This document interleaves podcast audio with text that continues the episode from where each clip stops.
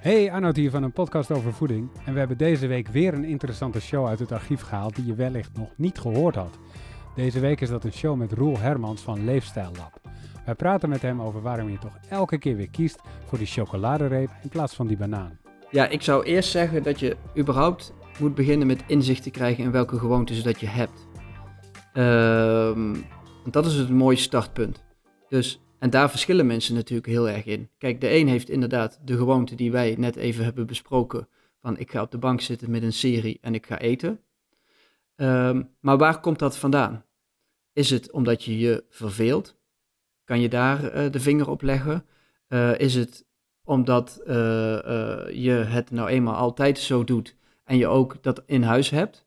En dat het eigenlijk het moment is dat je even tijd hebt voor jezelf en dus wat kunt eten, omdat je de rest van de dag aan het rennen bent. Dus wat gebeurt er precies in die betreffende situatie waardoor jij gaat eten? En als je dat van jezelf weet, kun je ook kijken, hey, is er misschien een alternatief gedrag mogelijk? Dus kan ik het product vervangen? Kan ik dus wel overstappen naar komkommer, wortel en appel? De gezonde keuze. Of een kommetje yoghurt met wat muesli.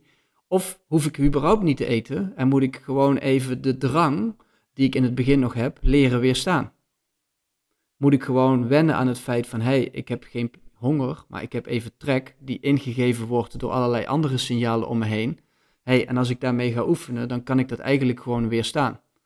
Bijvoorbeeld door mezelf even af te leiden, een telefoongesprek te gaan voeren, uh, even een stukje te wandelen, een spelletje te doen, uh, of gewoon even je bij neerleggen dat het even oncomfortabel is in het begin. Van hé, hey, uh, ik deed het altijd, ik pakte nu rond dit tijdstip altijd wat te eten. Hmm, als ik 10 minuten wacht, is het misschien weg. Maar ik moet die 10 minuten wel even doorzitten. dat is nu even ongemakkelijk. Ja. Ja, mijn moeder dus ja, begin met inzicht je- krijgen. Ja. Als je geen trek hebt in fruit, dan heb je geen trek. Dat zei ze dan. ik heb dat wel altijd onthouden, want het klopt wel op zich. Dan denk je, oh ja, ik heb zo'n zin in eh, koek of eh, chips of wat dan ook. En, en dan denk je, ja, maar ik zou nu ook gewoon een mandarijntje kunnen gaan pellen. En als je daar geen trek in hebt, dan is het dus dan, dan is het echt puur psychologisch. En dus niet dat je lichaam voedsel nodig heeft. Dat is, Nou ja eh, wat, ik, ja, wat ik wel mooi vind is dat dit dan in jouw rugzak zit, zeg Mhm. maar.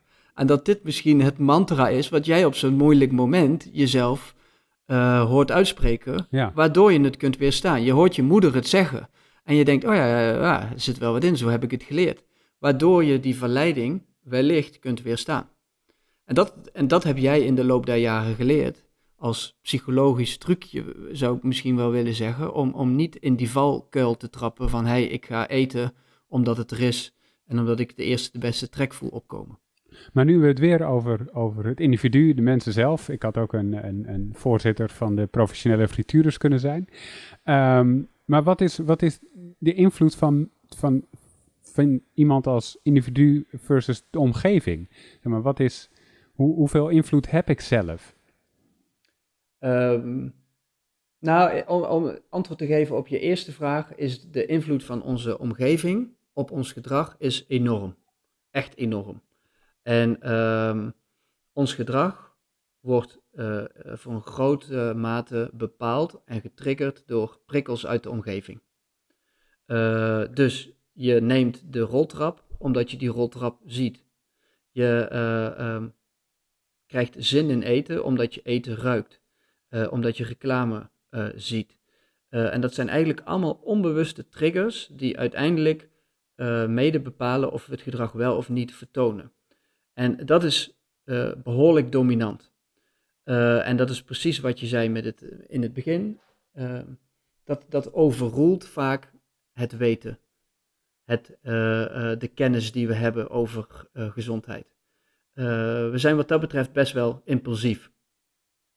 En wat je eigenlijk ziet in, in mijn vakgebied is eh, de metafoor dat je een koud systeem hebt en een warm systeem bijvoorbeeld. En het koude systeem is alles wat we weten over gezondheid. Mhm. Eh, het voornemen om op dieet te gaan, het voornemen om eh, op maandagochtend te beginnen met gezonder eten, dat is eigenlijk het koude systeem.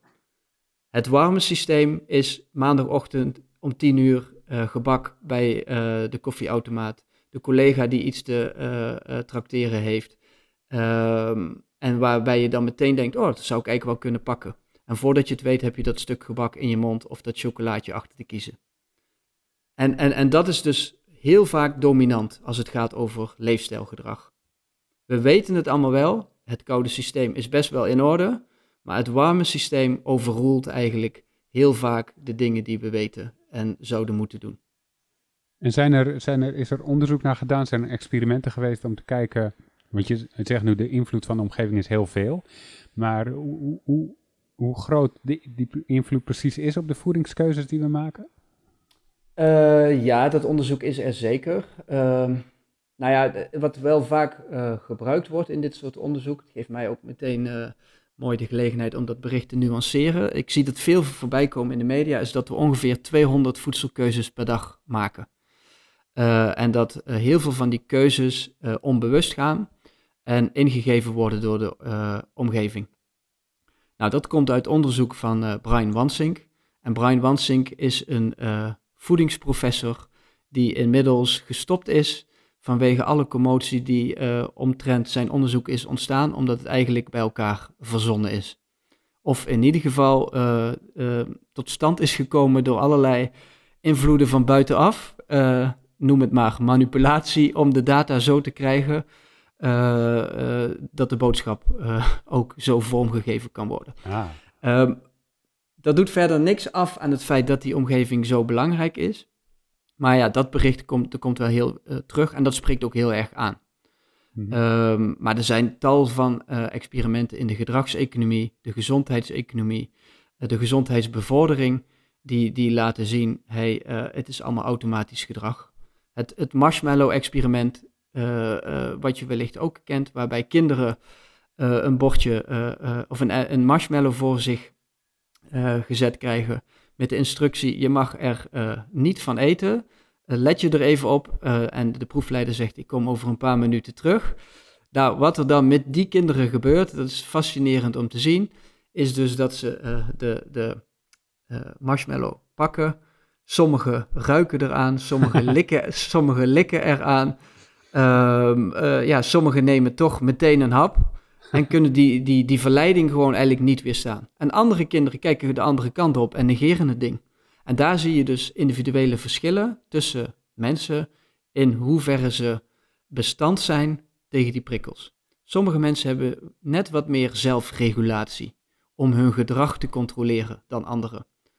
En dat is dus wat je eigenlijk nu ziet in onze huidige omgeving, is dat de mensen die wat meer moeite hebben met het reguleren van hun gedrag, dat hmm. die dus ook moeite hebben om niet te eten in een omgeving die constant triggert om te eten. En welke, welke uh, verandering in de omgeving zou, denk je, de meeste invloed hebben? Als er, als, er, als, er één, als er één ding is waarvan je zegt van dat, dat moeten we echt nu gaan doen, welke, welke zou dat zijn? Ja, wat je, wat je vaak ziet, en ik, daar komt het ook weer terug op individu versus collectief, dat er heel vaak wordt gekozen, oké, als we dit weten, dan gaan we mensen weerbaarder maken tegen die omgeving. Dan gaan we hen een informatiefolder laten lezen, dan gaan we hen een cursus geven of dan laten we hen een filmpje zien hoe je uh, uh, weerbaar kunt worden, wat je kunt doen om je gedrag te reguleren. Supergoed, um, alleen het is niet voldoende als die omgeving zo blijft. En dan, wat moeten we dus eigenlijk doen? Die omgeving veranderen. Dus ervoor zorgen dat niet vier van de vijf aanbiedingen in folders van een supermarkt buiten de schijf van vijf vallen. Mhm. Dat uh, een sportevenement niet vol hangt met reclame voor allerlei grote fastfoodketens en uh, merken die uh, ongezonde voeding verkopen. Dus die omgeving moet wat gezonder. Een voetbalkantine die geen gezond eten heeft, een, een hockeykantine, een tenniskantine, een bedrijfsrestaurant wat geen gezond eten verkoopt of heel duur. Ja, dat zorgt er dus allemaal voor dat we meer geneigd zijn om de ongezonde keuze te maken. Maar ik vroeg om één ding, Rol. Ja, nou ja, ingrijpen, dus één ding. Ingrijpen in de omgeving. De gezonde keuze makkelijker maken. Oké. Ja. Dus als ik uh, naar mijn voetbalclub ga uh, en ik ga lekker sporten en ik wil dat afsluiten met fruit, dan is dat nog maar de vraag of dat mogelijk is. Nou, en dan kan je zeggen, ja, maar dan kun je het zelf meenemen. Ja, dat klopt. Uh, dat doe ik dus ook, omdat ik inmiddels weet dat het er niet is en ik het toch wel lekker vind.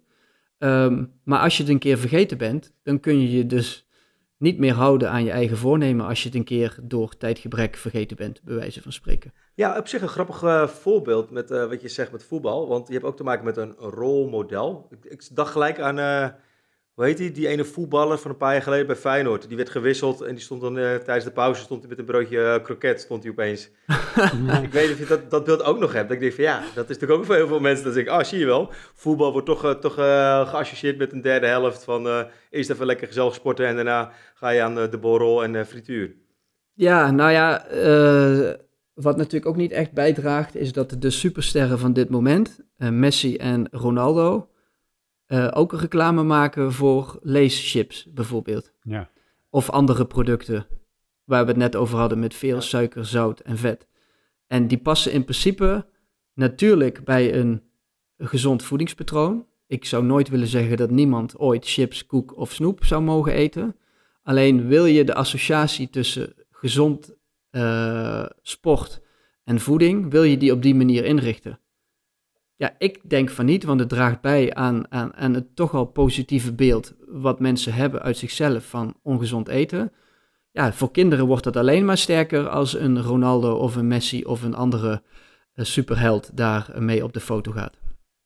Ja. En dat is dus ook weer zo'n voorbeeld van die verleidelijke omgeving.